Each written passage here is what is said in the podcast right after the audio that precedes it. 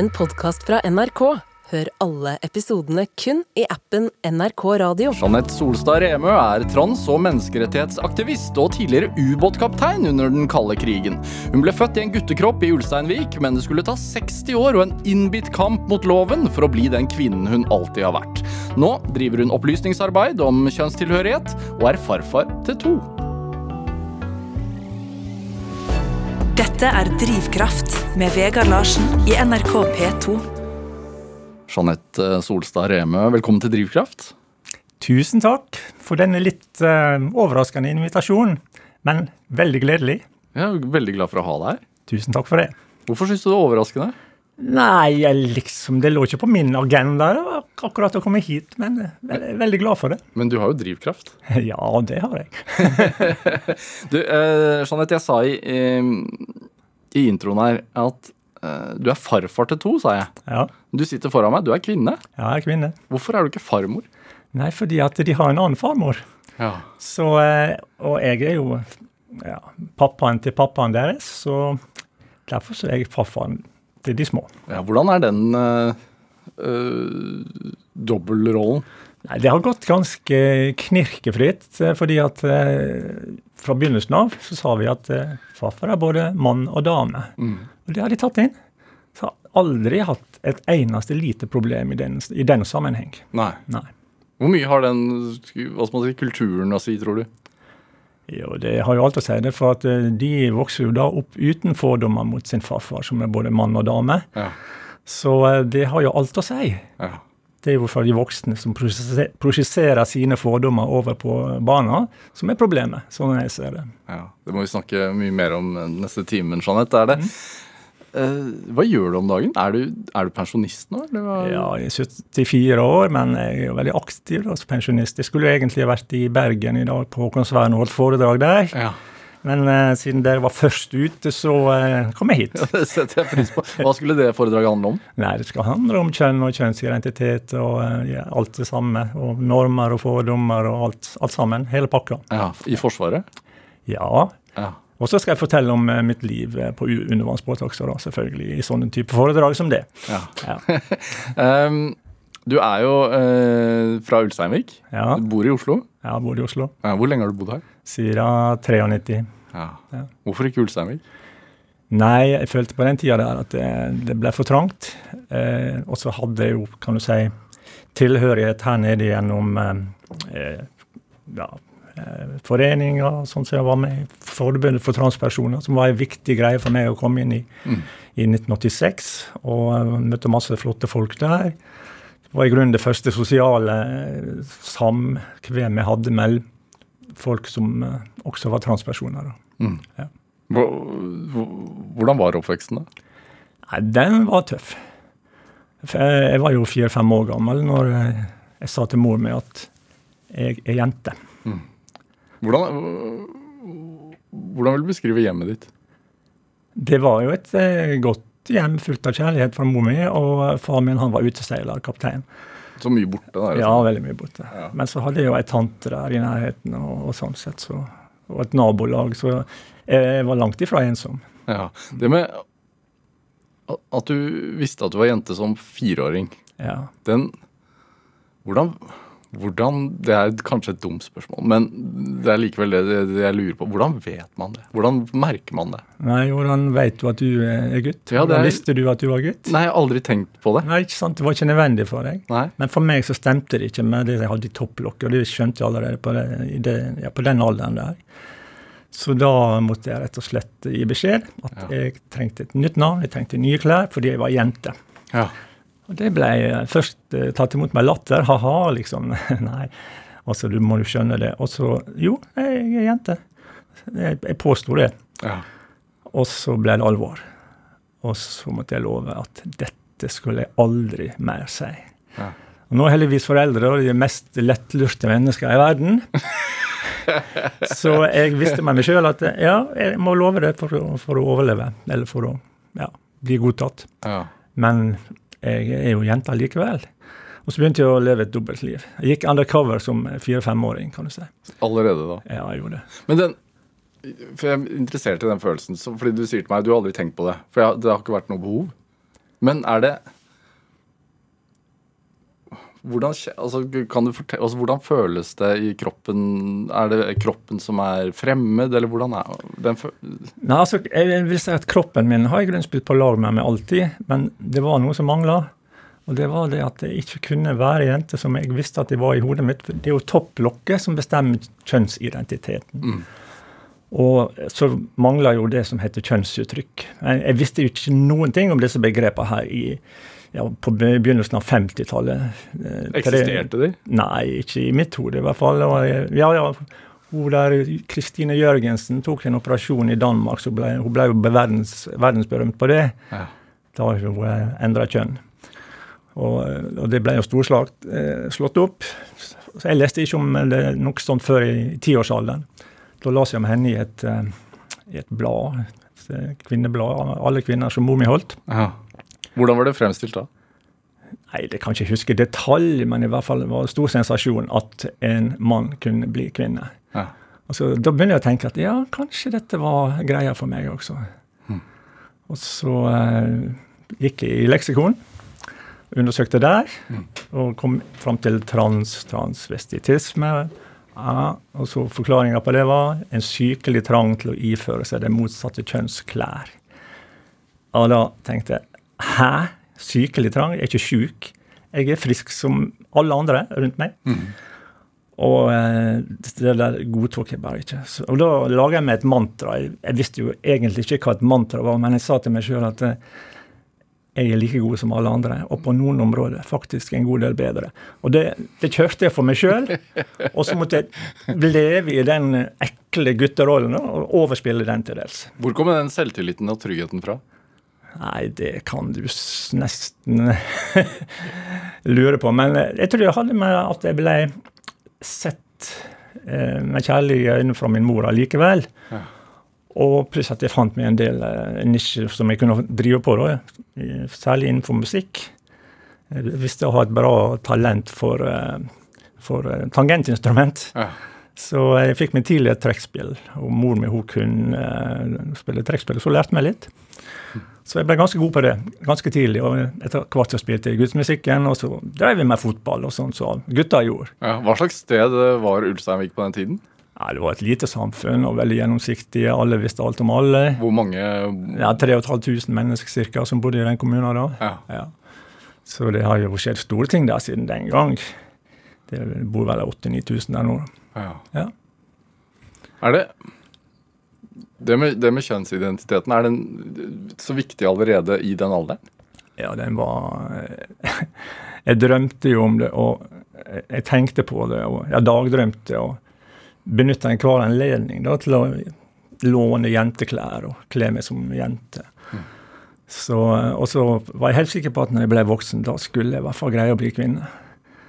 Og så, Det ble faktisk ei veldig lang reise. Ja, det gjorde det. Dette er Drivkraft med Vegard Larsen i NRK P2. Og i dag er menneskerettsaktivist eh, Jeanette Solstad Remø her hos meg i Drivkraft på NRK P2. Det med Altså, man har jo ikke så mye begreper om eh, kjønn og identitet og sånn når man vokser opp. Eh, men, men likevel det å føle seg fremmed da, og ikke føle seg som seg selv. eh, hvordan er Altså Hvor dypt sitter det? Det største problemet mitt var jo rett og slett å holde det skjult for alle andre. For jeg visste at jeg måtte, for hvis det, dette kom ut, Ja. så var jeg ferdig i det samfunnet der. Ja, og du fikk jo høre det også. Ja, det var jo Høre det og hører det. Men øh, Jeg vet ikke hva du tenker på akkurat da. Men jeg hadde i hvert fall en, en dårlig opplevelse som 15-åring. For da eh, kledde jeg meg om eh, midt på natta. Jeg var eh, hjemme alene, som det heter. Og jeg gikk ut, eh, og det var jo dumt, i mine mors klær. Husker du hva du hadde på deg? Ja, jeg husker jeg hadde på meg en kjole og ei kåpe. Og, ja. og så var jeg jo dårlig sminka, selvfølgelig, for jeg hadde ikke noe skikkelig tilgang til det. Og så gikk jeg ut, det var mørkt, og så kom jeg et stykke fra huset, og så plutselig så kom tre litt eldre gutter enn meg ut fra en fest i, i nabolaget. Og jeg, da var de mellom huset der jeg bodde, og der jeg sto. Så da hadde jeg bare ett valg. Fortsette videre. Jeg visste de ville komme etter. Så det, det var en vond opplevelse. Og så kom jeg til et kryss, veikryss. Ja, For du fortsatte videre? Ja, jeg fortsatte videre. Og så visste jeg at noen av disse gutta der, de skulle til høyre, og kanskje en skulle ta sjansen på å gå ned til venstre. Og det gjorde jeg. Og da var det én som fulgte etter meg. Mm. Og så nådde han meg igjen, og så tok han meg på skuldra og sa 'Hallo, unge dame. Svært så travelt du har det, da'. Og så snudde jeg meg rundt og sa 'Du må bare dra til helvete', sa jeg. Og det er Jon. Han så ut som han hadde falt ned fra, fra himmelen. Han visste hvem jeg var da. Og da visste jeg at det, neste dag så kom dette til å være utover hele bygda. Ja, var det det? Ja, altså jeg gikk hjem og skrev et avskjedsbrev til mor mi. Da skulle jeg ta livet av meg, for jeg skjønte at det, nå, var, nå var alt håp ute. For jeg, jeg hadde ingen sosiale muligheter lenger i det samfunnet. Jeg kom til å bli mobba, stigmatisert og alt sammen. Uh, men heldigvis så brukte jeg litt tid på det, på det brevet. Så kom jeg på tanken ja, ja, men jeg kan jo prøve, jeg kan jo gi det en sjanse. Jeg kan jo være tøff. Jeg er jo en tøffing. så, så rett og slett så da um, stilte jeg opp på kinoen neste kveld. Da var jeg godt forberedt. Og da satt jo gjengen der, var en søndagskveld, i foajeen. Og så kom jeg inn der og ble møtt av håndlatter, som forventa. Mm. Og så bare liksom var jeg forberedt, så sa jeg eh, hva, er, hva er dere ler av? du ble sett i, i dameklær i går. Unnskyld, sa jeg. Hva, hva dere snakker om? Jo, sånn og sånn hadde sett meg. Nei, nei, nei, nei, nei dere må ikke tro på å fylle folk, sa jeg. Dette er bare tull. Og da ble det stilt. Hm. Etter det så hørte jeg ingenting. Men det var jo selvfølgelig jeg som løy, og han som, eh, han som hadde sladra på meg, han snakka jo sant, men eh, det ble stopp. Mm. Jeg, overle jeg overlevde. Det er den tøffeste avgjørelsen jeg har tatt i hele livet mitt. Akkurat den der. Ja, fra det å sitte med det brevet til Ja. å tenke at nei, jeg skal konfrontere det. Ja. Det var, eh, Men, men det, å, det var sterkt. det, det å sette seg ned med det brevet, det er jo en Jeg skulle skrive til mor mi og forklare hvorfor jeg tok livet av meg. Ja. Er det bunnpunktet? Ja, det er det nok. Ja. Ja. Hva er det som men Hadde dere fått gro fra du var fire-fem år, det da? Det såret? Ja, det hadde Eller vært. ikke fått gro, men for det hadde vokst? Ja, altså, ja. Det hadde vært eh, veldig mye vondt. For, og veldig mye angst på avsløring. For jeg utfordra jo skjebnen gang på gang. Hvorfor det? Fordi jeg ville jo så gjerne prøve å være den kvinnen som ikke fikk lov å være. Så eh, det var grunnen til det. Ja. Ja. ja, fordi når du velger å gå ut, så utsetter du deg for, Ja. for hva skal man si, i gåstein fare. Ja, det jeg gjorde. Ganske stor fare. Ja. Men eh, jeg kunne ikke la være. Det, hadde, det er noe med å tørre å våge å stå opp for seg sjøl også. Mm. Selv om konsekvensene kan være ja, ganske omfattende og alvorlige. Hva skjedde etter dette her? Nei, det roa seg ned på det der.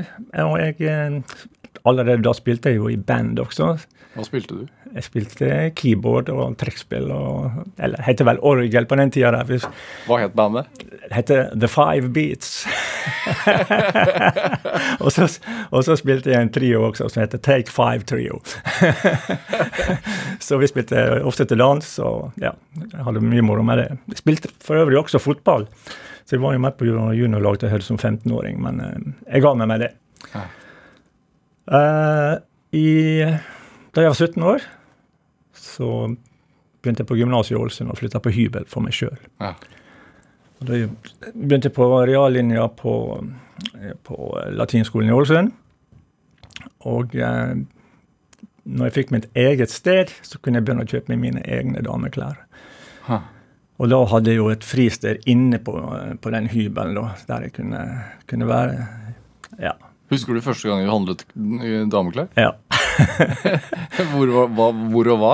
Nei, det var jo inne i Ålesund i en eh, ja, i en damebutikk. Og så gikk jeg inn og sa at jeg, jeg har en søster som eh, har bursdag, så jeg må få kjøpt noe klær til og et eller annet fint. Ja, størrelse Ja, ja, så trent sånn som meg, liksom. og det var jo med stor angst jeg handla. Jeg foretok den handelen der. Ja. Men uh, Hva kjøpte du, da? En jeg kjøpte en kjole og litt uh, undertøy. Ja. Ja. ja da. Var det en, en uh, milepæl, på en måte?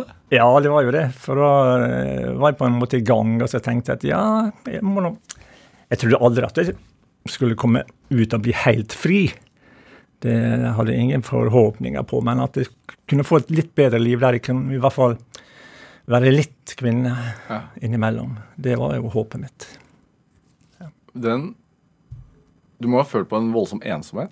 Ja visst var jeg ensom. Jeg hadde ingen uh, å snakke med om dette. Ingen jeg kunne snakke med om det. Nei. Hadde ingen uh, kan du si, forbilder heller.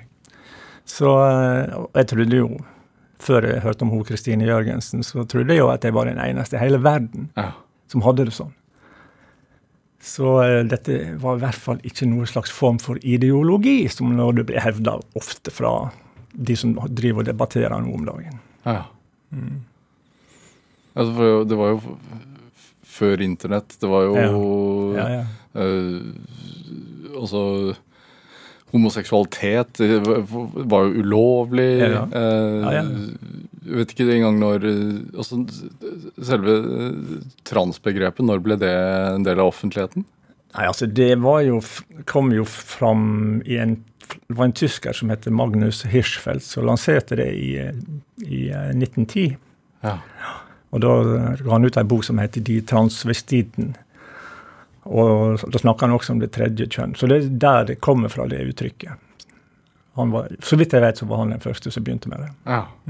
Men det ble jo ikke en del av den offentlige Nei sfæren eller det offentlige språket. Nei, Nei, Du kunne jo kanskje av og til se et eller annet greie om noen transvestitter som hadde blitt taua inn av politiet og sånn. et eller annet sånt. Ja.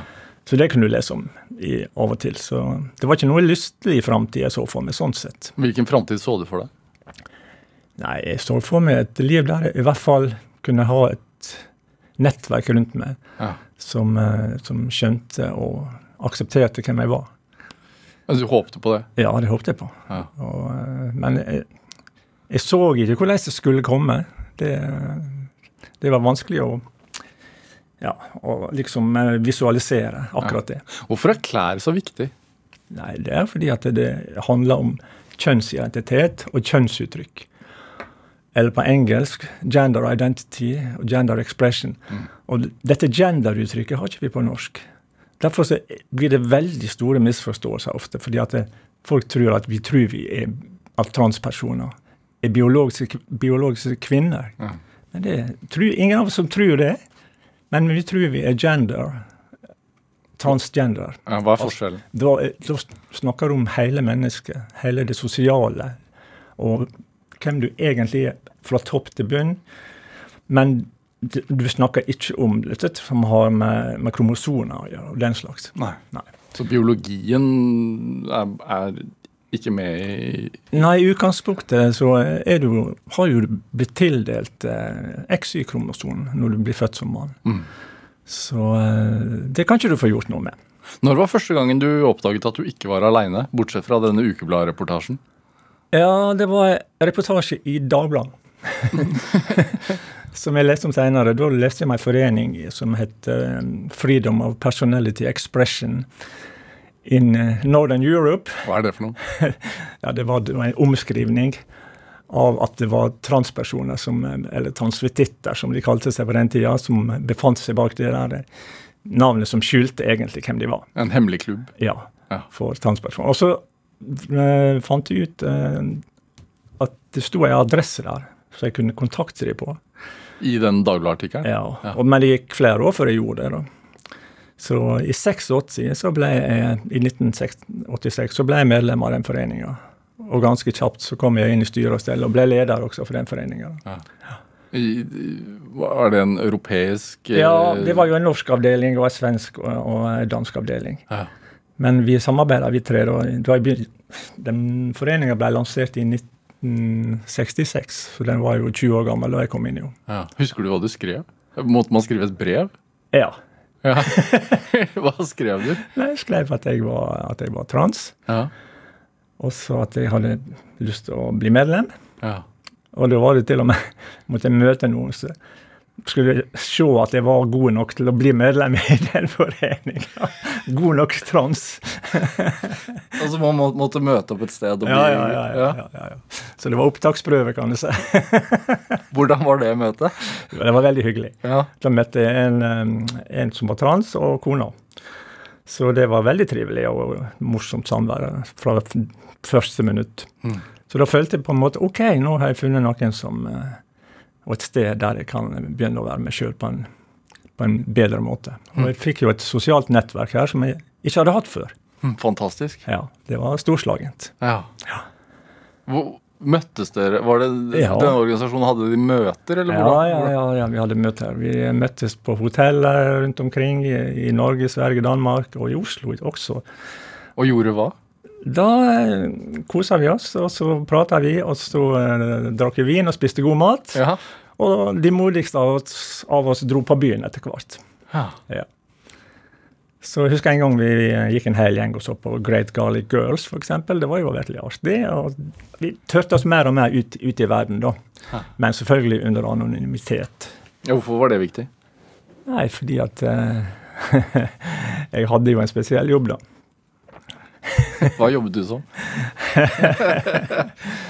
Vel, altså, vi kan gå litt tilbake i uh, Når jeg er ferdig med på gymnaset på reallinja der, så uh, måtte jeg bestemme hva jeg skulle studere videre. Ja. Og da vurderte jeg psykologistudiet i Bergen. Det måtte jo være nok for meg, liksom. Men eh, så kan du si, jeg spilte jo i band, som sagt, og det ble jo litt utsvevende liv og ja, litt eh, mye alkohol av og til. Ja. Og jeg tror ikke jeg hadde fått tatt eksamen i dag med det fraværet jeg hadde på, på gymnaset. Så tenkte jeg samtidig jeg skulle inn, på, inn i militærtjeneste, ble kalt inn, så tenkte jeg ja, den kan jeg ta på Sjøkrigsskolen i Bergen. Og, og da kom jeg litt under uh, skik- skikkelige stramme tøyler. Altså, det trengte, jeg følte jeg trengte det. Hvorfor det? Nei, for ellers hadde jeg sikkert fortsatt å eh, spille i band Ja. Og, bli, å fortsette å være ganske ustrukturert, som jeg var da på den tida, før jeg, før jeg gikk inn i det militære. Var du sint? Nei, jeg var nesten blitt vant til at, at livet var sånn. Ja. Ja, så jeg, jeg vil ikke si jeg var direkte sint, men eh, Men på den tiden, sjø, Sjøkrigsskolen, ja. de tok ikke inn kvinner. Nei. Nei da. Så du, det var Det, det er jo Unnskyld at jeg ler sånn, men det, du velger jo ikke den enkleste retningen i livet. Nei, og dette var jo også et signal til verden på Må ikke tro at jeg er noe annet enn en skikkelig he-man, liksom. Jeg skulle overbevise verden om det. Ja. Å, faen, nei. Hvorfor var det viktig? Jo, det var jo en måte å skjule seg på. Ja. Så hvis det var noen som lurte på om jeg var trans, så skulle de i hvert fall være sikker på at nei, ikke når han driver på med de greiene der. Det mannegreiene der. Da er, da er han ikke trans. Nei. Jeg har sett bilder av deg. Du hadde ganske grovt skjegg på den Had, tida. ja, jeg hadde det periodevis. Ja. Det var også eh, kamuflasje, kan Ja. du si. Så er det da skjegget og, og hva skal man si, typiske herreklær på den tiden, da. Mhm. det, var, det var kostyme. Ja, Ja. det kan du si. Ja, godt sagt. ja. Mens hjemme på leiligheten så hadde, var du deg selv. Ja, så så hver gang du skulle gå ut, så Ja. måtte du ta på deg kostyme. Ja, ja. Jeg gikk jo ut en del i Bergen etter hvert. Jeg bodde i Bergen da, så jeg, jeg gikk jo ut om, eh, på kveldstid der også. Ja. Men ble aldri avslørt, sånn sett. Så jeg ble flinkere og, med sminke og klær og sånn og etter hvert. da. Ja. Gjerne høre litt mer om den ubåttiden, men først så skal vi spille litt Tina Turner. Mm. Hvorfor, hvorfor Tina Turner? Ja, det kan jeg si.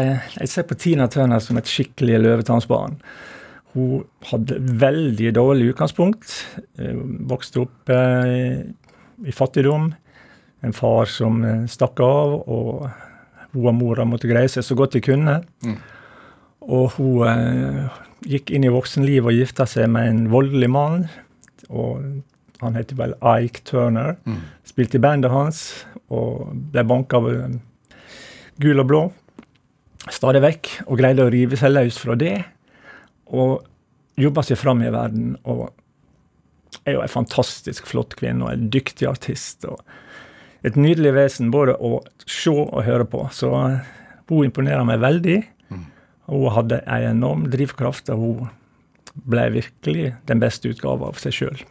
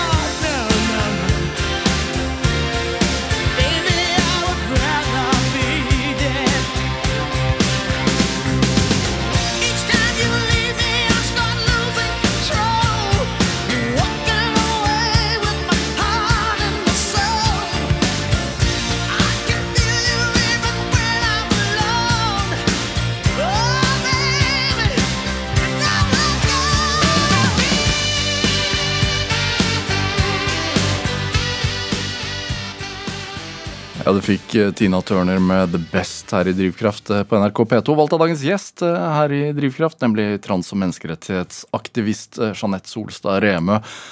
Det, altså vi avsluttet rett før vi spilte Tina Turner her om å snakke mm, litt om din vei inn i, inn i Sjøforsvaret.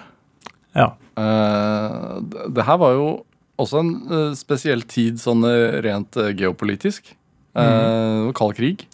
Det var kald krig, og det var spesiell tjeneste, og jeg søkte meg et undervannsbåt. Ja. Hvorfor det? Nei, Det var fascinerende. Det var, for det første, Jeg var jo på sommertjeneste mens jeg gikk på skolen et år på undervannsbåt. Jeg syntes det var ganske fascinerende, og det var et bra miljø der. Ja. Så jeg tenkte ja, der kan jeg kanskje komme til å trives. Kan man trives i en ubåt? Ja, det kan man faktisk trives veldig godt i, fordi at det, det blir et lukka miljø, kan du si, i stor grad. Ja. Eh, og alle er liksom avhengig av alle, at alle gjør jobben sin. Ja. Og det blir ofte veldig god stemning om bord. Fordi at det, vi kommer nær hverandre, og de som søker seg dit, eh, de gjør det fordi de vil. De vil være Ja, prøve, utprøve dette her. Ja. Ja. Hva er altså Når man går om bord, Mhm. går hvor lenge er man under av gangen? Nei, det varierer. Vi, kan, vi kunne være ute på patrulje opptil tre uker. Ha. Ja. Og, og i hvor stort areal? Nei, da kunne vi jo operere i, i Barentshavet, f.eks. Jo, men i, inn, inni? Å nei, inni arealet Nei, det, vet du hva, det, jeg har ikke kubikkmeteren akkurat der. Nei, nei, men sånn, kan man sammenligne det med noe? Blir det som en buss, eller hva?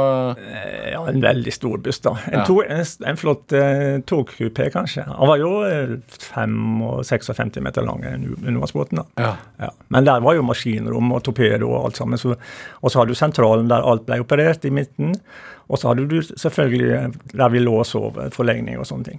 ja. Senga. Bikka, som vi kalte det på undervannsbåt. Og, det, og du ble etter hvert kaptein? Ja, jeg begynte som navigasjonsoffiser. Jobba meg videre oppover og ble nestkommanderende. Og så ble jeg tatt ut til ubåtsjefskurset, Ja. som er jo Ja, det var litt tøff eh, testing, kan du si. Hva blir man testet på da? Ja, Man blir testa på alt mulig. På stress og på eh, hoderegning og på lite søvn. og og på taktisk eh, overblikk. Du skal um, kunne gå under vann og uten å ha oppe periskop og, og forstå det taktiske bildet, det som skjer på overflata. Ja. Og så går det på sikkerhet, ikke bli nedkjørt av eh, fartøy på overflata når du ligger på periskopdybde. Og, og, og sånn sett så var det jo veldig spennende. og ja, det, det krevde ganske mye, men jeg var ung og rask i topplokket den tida der, så det gikk fint. Altså, hvordan føles det å være dypt under vann? Og, og, og i over lengre tid? Du, når det er dårlig vær, så er det helt fantastisk. Stille og rolig. ja, ja. Nei, det ble en vane etter hvert, så det, det var aldri noe stress liksom med det. Det å skulle være under vann. Men det, det, den tilhørigheten, eller det samfunnet som blir i, i, i den undervannsbåten, hvordan er det Man går jo oppå hverandre da, i tre uker i strekk i, i en stor togkupé. Men vi går jo vakter, da. Så Ja. kan du si vi- det er bare en tredjedel av, eh, av crewet som er på samtidig. Så de andre driver med andre ting. De, de kunne jo, eh, Det var vel Walkman kom på den tida der, f.eks., så du kunne høre litt på musikk og, og sånne ting. Og vi hadde TV om bord, så en sånn video da, Ja. som vi kunne se på. Så eh, det var en del aktiviteter som da og litt moro som ble laga. Hvor, hvor, eh, hvordan var stemningen i militæret den gang? Ja, det spørs hva du mener med stemning. Da tenker jeg på kald krig og, og Ja, ja. Nei, vi visste jo hva vi holdt på med, og vi diskuterte jo av og til at det er herlighet for en jobb vi har. Det er jo helt vanvittig. Det vi blir opplært til, det er jo noe vi aldri ønsker vi skal få bruk til. Mm. Få brukt. Så eh, vi hadde jo alvoret med oss, men vi kunne ikke bare gå og tenke gravalvorlig. Det vi gjorde, var jo å øve hele tida. På alt mulig når det gjaldt angrepslag og liksom fyre dummy-torpedoer Ja. og den slags. Så sånn at vi alltid var klar til innsats hvis det ble nødvendig. Ja. Og det, og, men vi håpte jo aldri det skulle bli nødvendig. Det var jo liksom denne terrorbalansen som råda da mellom eh, Sovjetunionen og, og Vesten Ja. på den tida der. Så det var tøft, tøft sånn sett. Ja. Å, å ha ansvar for 20 mann og åtte krigstorpedoer, skarpladde, som eh, måtte brukes hvis det, ble, hvis det virke, virkelig eh, tetta seg til. Ja. Ja. Hvordan var det for deg, da? For i de i periodene dere var ute på, på oppdrag, holdt jeg på å si, så, eller på, ute mange uker i strekk, så kunne du ikke være deg selv? Nei, jeg kunne ikke det.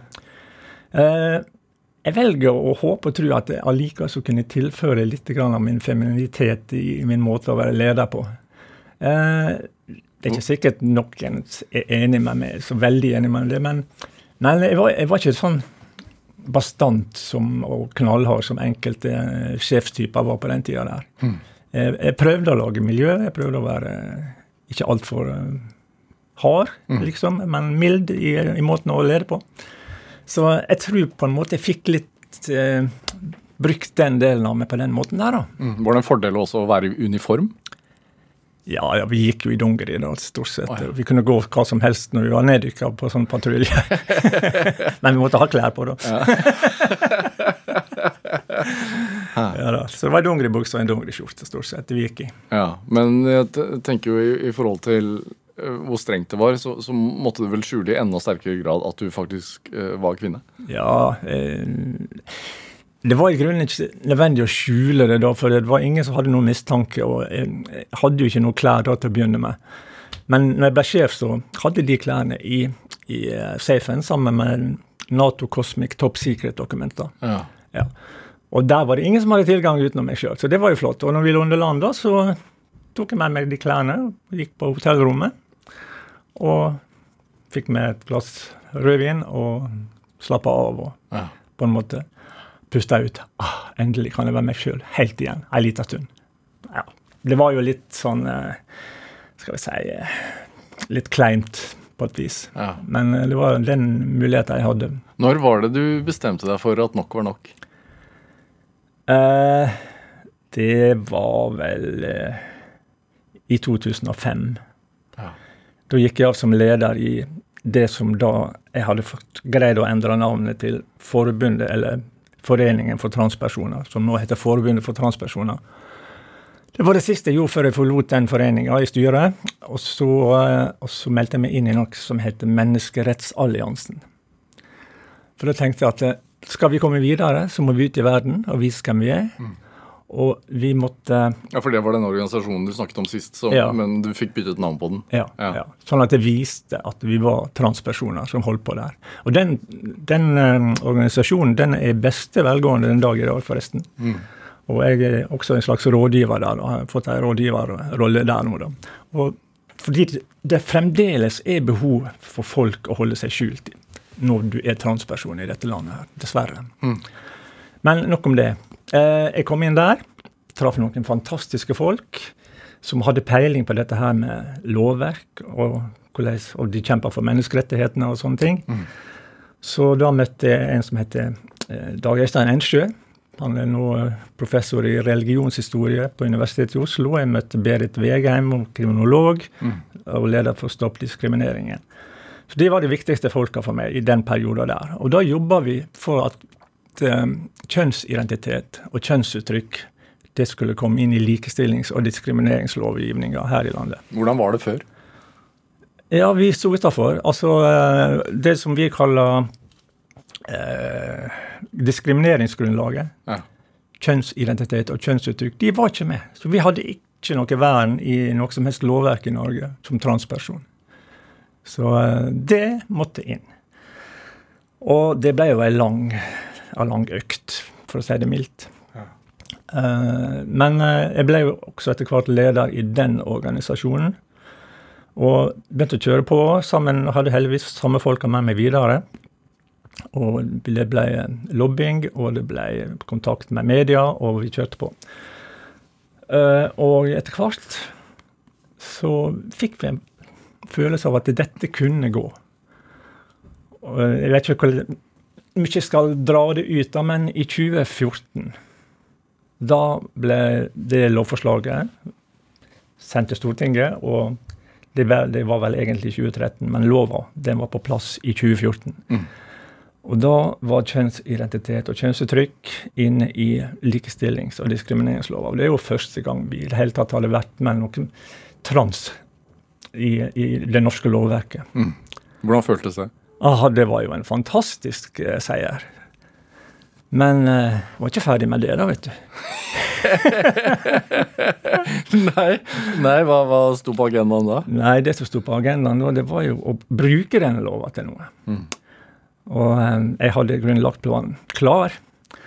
Eh, så jeg søkte ja, Først så hadde jeg et møte med en jurist som heter Lene Løvdahl, som var ekspert på, eh, på eh, diskriminering, eh, likestilling og menneskerettigheter. Ja, fordi Den gang så var ditt juridiske kjønn mann. Ja. Ja. Ja, ja, ja. Det var ikke mulig å endre på uten å kastrere seg. Og det var jeg ikke interessert i. Så derfor så begynte jeg å jobbe for å få endra lovverket, sånn at kjønnsidentitet og kjønnsuttrykk også skulle ligge inne i det som heter juridisk kjønn, der du sjøl kunne få velge ditt juridiske kjønn. Så jeg skrev da eh, et brev til regjeringa og sa at eh, jeg ønska å endre mitt juridiske kjønn uten å ta de kaller det for irreversibel eh, kastrasjon, nei, sterilisering, som jeg da kaller egentlig kastrasjon. Og så ba jeg om å få endre mitt juridiske kjønn, kjønn fra mann til kvinne, uten å måtte gjennomgå det. Og det kom jo et brev. Nei, det var ikke mulig å få til, for det var ikke sånn det var. Og det, Da hadde det foregått en praksis her i landet fra eh, 60-tallet, 1960-tallet og utover.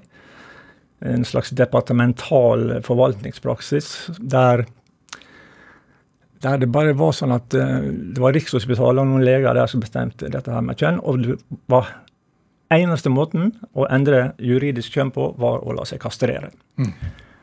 Og eh, så kom det et svar, som sagt, at jeg fikk avslag på det. Men det var jeg forberedt på. Så da skrev jeg et, en mail til eh, Likestillings- og diskrimineringsombudet, der de klaga på avslaget. Og henviste til den lova som nettopp var, var godkjent i Stortinget. Ja. Altså lov om forbudet mot diskriminering. Ja. Ja. Så eh, da ble det stille en stund. Stille i fjøset. så, eh, og så kom eh, omsider et svar, og så Nei, jeg måtte jo forstå at det ikke det gikk an, dette her. Eh, men LDO de tok saka, altså. Og, og ga da klar beskjed om at jeg ble diskriminert av den norske regjeringa. Og dette kunne ikke den norske regjeringa sittende på seg. Selvfølgelig. Vi er jo et menneskerettighetsforkjempende land ute i verden. Eh, og da var også det skjedd at Amnesty International var kommet på banen. For de hadde satt i gang en eh, internasjonal kampanje fra London-kontoret som gikk på 'lack of legal gender recognition in Europe'. Altså sju land i Europa som da mangla retten til sjøl å bestemme ditt juridiske kjønn. Og det ble jo ei voldsom greie. Jeg ble spurt om jeg ville, ville være frontfigur i den, i den kampanjen. Og da tenkte jeg meg nøye om i tre sekunder, og så slo jeg til på Ja. Og jeg tenker da, For, for, for et menneske som har, som har holdt eh, identiteten sin skjult, og, og, og gjort det til perfeksjon gjennom såpass mange år, eh, både for familie og, og, venner og, kolleger. Det å fronte en sånn kampanje eh, hvor du da blir eh, poster girl, da, eh, for å si det sånn Ja. Hvorfor tok det deg ikke lenger tid enn tre sekunder? Nei, for nå var jeg i siget. Nå, nå måtte det skje. Det var, det var momentum. Og da måtte jeg bare slå til. Men Jeg sto jo frem tidligere, egentlig i 2010, Ja. med dobbeltside i VG, bl.a. med ubåtsjefen og, og transkvinner. Så eh, sånn sett så var jeg allerede ute. ja. Og eh, Hvilke reaksjoner fikk du da? Nei, det var positivt. Et positive tilbakemeldinger, og det overraska meg veldig. Herlighet. Jeg hadde godt holdt skjult noe som Wow, det er så flott, liksom. Og det også fra tidligere kollegaer og folk rundt meg, og familie og alle. Nei, dette var jo helt glimrende. Hæ, Hvilken følelse skaper det? Nei, det skaper jo yr glede. er det mulig, liksom, at det kunne skje? Det, det var helt fantastisk. Eh, men jeg må jo også nevne Stensveen ressurssenter og Marion Arnsen, som, eh, hjalp meg på vei. Jeg kom i kontakt med Marion i 1996, og der ble det bygd opp et eh, senter der de tok imot transpersoner. Et fysisk sted der vi kunne møtes. Mm. Og eh, kunne få hjelp og, og snakke med hverandre. Og også en del eh, fagfolk da ble tatt inn der. Og det Når, senteret, når var det? det var i 1996 og utover. Ja. Så eh, vi to holdt jo vårt første foredrag i 2000 og driver på fremdeles. Jeg tror hun er i Bergen i dag og holder et foredrag der borte. Så, eh, så det vi driver litt på fremdeles. Ja. Og hun er jo aktiv som bare det. Og det, det der senteret der, det er Stensveien ressurssenter, som det heter, det går jo så, eh, som eh, hakka mø- møkk, det nå. Ja. Så det er veldig bra, og veldig godt for, for transmiljøet i Norge. Og også andre skeive. Ja. Selvfølgelig. Alle skeive jo Uansett hvem du er, så er du velkommen der. Det er jo eh, i, i forhold til det at du kom ut gjennom eh, VG i 2010 eh, Hadde du vært åpen om det på hjemmebane før? Ja, ja, ja. Ja. Altså, jeg, jeg var jo skilt og gift på nytt. ja. Så eh, den nye kona mi, hun fikk jo vite det med en gang. Mm. Og så tenkte hun jo som så at ja, Kristin som hun heter, og ja, nei, det, det må vel kunne gå greit, det. Men hun visste ikke hvor omfattende det var. da. Om, hvordan omfattende? At, at jeg egentlig ønska å slå ut i full blomst og være kvinne på heltid. Mm. For eh, akkurat det sa jeg vel ikke til henne. Så det gikk seg til over, over langs, og så måtte hun ta noen runder, selvfølgelig. og Hun ønska dette her, og så har jobba med seg sjøl, og så fikk vi det til. Og i dag har vi det vanvittig godt. Men nå er vi tilbake til uh, den der Amnesty-kampanjen. da. Mm. For uh, heldigvis hadde jeg lagt uh, postadressa mi til Oslo-kontoret for Amnesty. Og så hadde jeg laget min egen mailadresse. Sånn at det hagla inn med brev fra hele verden. At vi ikke måtte gi opp. Denne kampen skulle vi greie. Dette skulle vi vinne. Og samme skjedde med Bent Høie i Helse- og undervisningsdepartementet. Så de ble bombardert. Og etter hvert så skjønte de jo at eh, dette her gikk jo ikke. Så eh, jeg, tror, jeg fikk til og med et brev fra, fra Kina. Jeg fikk over 5000 brev med kanskje 10-20-50 underskrifter på hvert brev. Så det var voldsomme greier. Og selvfølgelig, det gjorde susen virkelig. Og nå var jo masse andre organisasjoner også på banen og, ga støtte til dette. Ja. Så eh, nå var støtta fundamental og, og, og hjalp meg veldig. Hvor betydningsfullt har det vært? At det, all den støtten Nei, ja, og at, at det ble endring? Det, det vet jeg godt, for jeg har fått masse tilbakemelding fra folk som har, som har eh, endra juridisk kjønn og sagt at eh, du har berga livet mitt, og det er jo fantastisk å høre. Jeg gjorde det for meg sjøl, men jeg gjorde det for hele samfunnet også. ikke sant? For hele, hele trans, transmiljøet og transsamfunnet samfunn, og for kommende generasjoner. Den lova har jo blitt kritisert sønder og sammen av mange, da. men det er helt fantastisk. Blant annet så kan du endre tilbake hvis du finner ut at det, det er feil, det du gjør. Og du kan eh, Den gjelder for små barn fra seks år og oppover. Men eh, det er ikke snakk om noe hormonbehandling eller den slags, som det er så mye skriveri om nå for tida. Men de kan få lov å leve i det kjønnsuttrykket som de ønsker, hvis foreldre da selvfølgelig er er med på det. Og det er mange som gjør nå. Hva tenker du om de som da sier sånn ja, skal man bare kunne forandre kjønn fram og tilbake? Ja, det kan, Du kan jo prøve å endre kjønn én gang, så tenker jeg at, at du er godt fornøyd. Eh, fordi det er jo en kompleks greie. Riktignok kan du bare trykke på en knapp og få tilsendt skjema på nettet. Ja. Men så skal det fylles inn, og så skal, får du i posten, og så kommer det tilbake, og så skal du skrive under på at sånn er det. Og så begynner jo dette med å endre alle mulige papir. Eh, eh, sertifikat, eh, bank-ID, hele den pakka der. Det gikk jo tre måneder uten å ha bank-ID, f.eks. Så det var litt tungvint. Eh, og så er det legejournaler, journaler, fødselsattester, vigselsattester. Alt mulig skal en endres. Så det er ikke noe bare sånn som du driver og flytter frem og tilbake på. Så du kan jo prøve sjøl, da. Så kan vi se hvordan det går. Hva, hva er status i dag, tenker du? Et status, er, så vidt jeg vet, i, eh, i januar i år så var det ca. 2000. Omtrent like mange, men litt færre eh, kvinner til mann enn mann til kvinne. Men ca. 2000 som har benytta seg av det. Mm, Hva tenker du om den transdebatten som har blusset opp de siste årene? Da? Nei, Jeg tenker at den er altfor uh, polarisert, og det er altfor mange som har meninger om dette som ikke har peiling og kunnskap på det de legges ut på. Og veldig mye moralisme ute og går, og religiøse holdninger. Hva er mest feil, tenker du? Det som er feil, er at de, de er ikke i stand til å se at transpersoner faktisk ikke er en homogen gruppe. Vi er individer. Mm. Og alle individer trenger jo sine, har jo sine egne behov. Så hver enkelt trans, transperson har sitt eget behov, sine egne måter å, å, leve og ønske å leve livet sine på. Mm.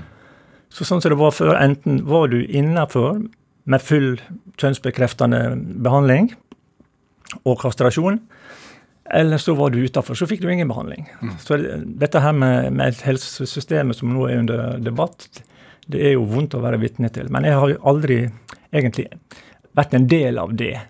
Jeg, jeg bruker vanlige helsetjenester som, helsetjenester som alle, alle andre nordmenn.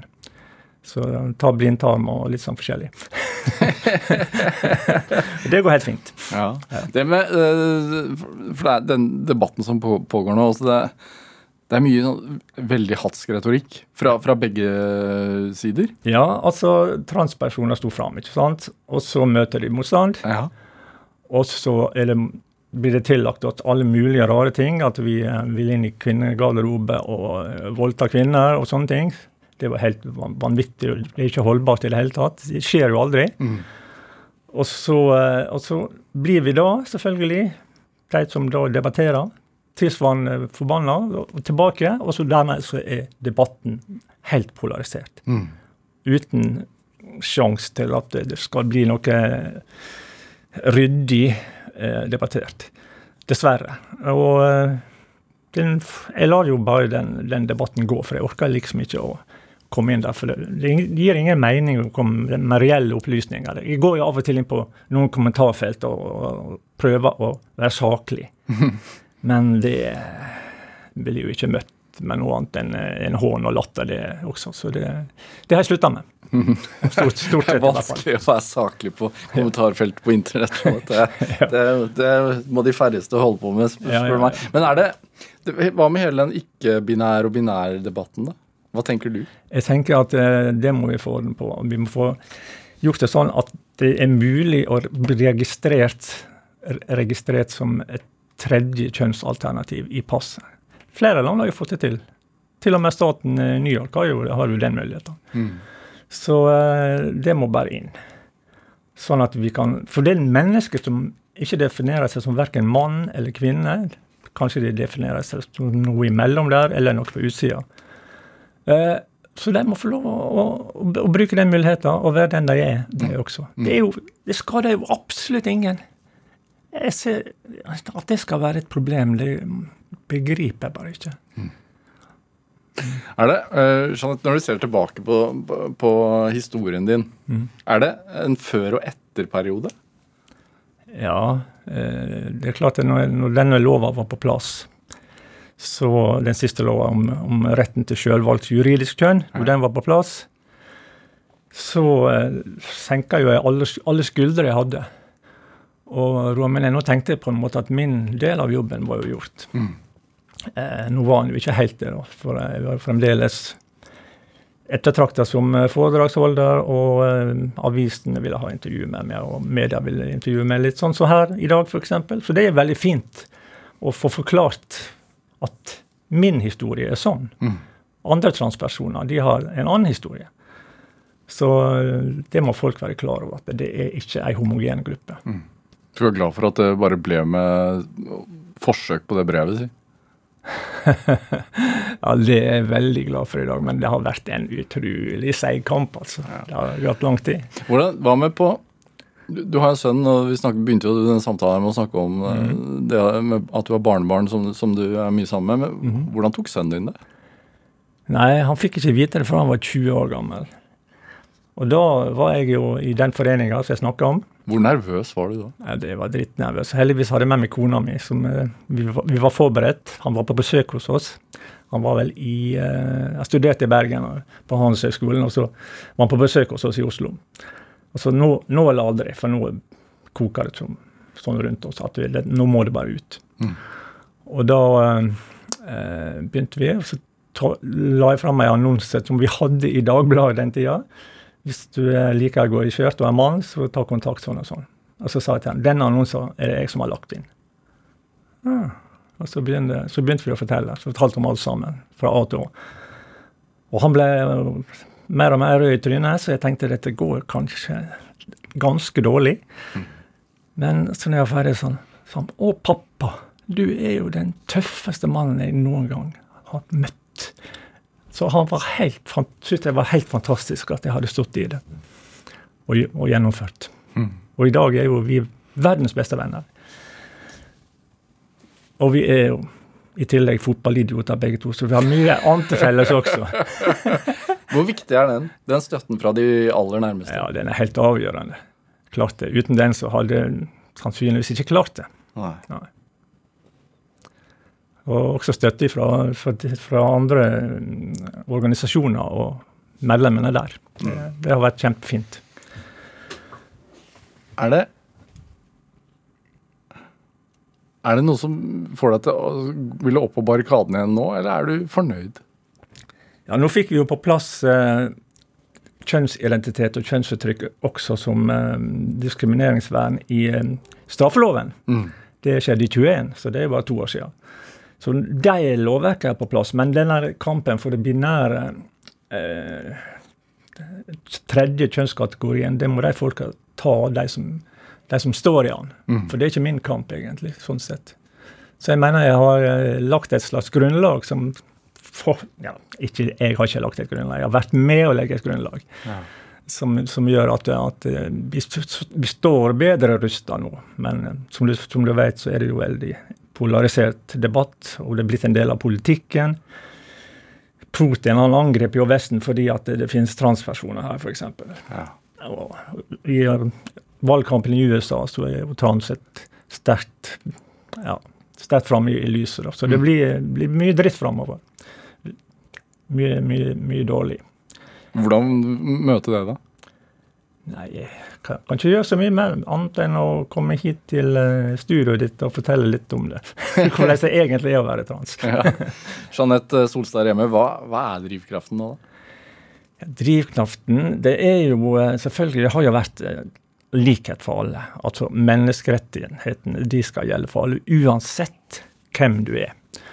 Og hvis du er enig i det, så er jo det flott. Men hvis du er uenig i det, da betyr jo det at du er uenig i at menneskerettighetene skal, ikke skal gjelde for deg heller.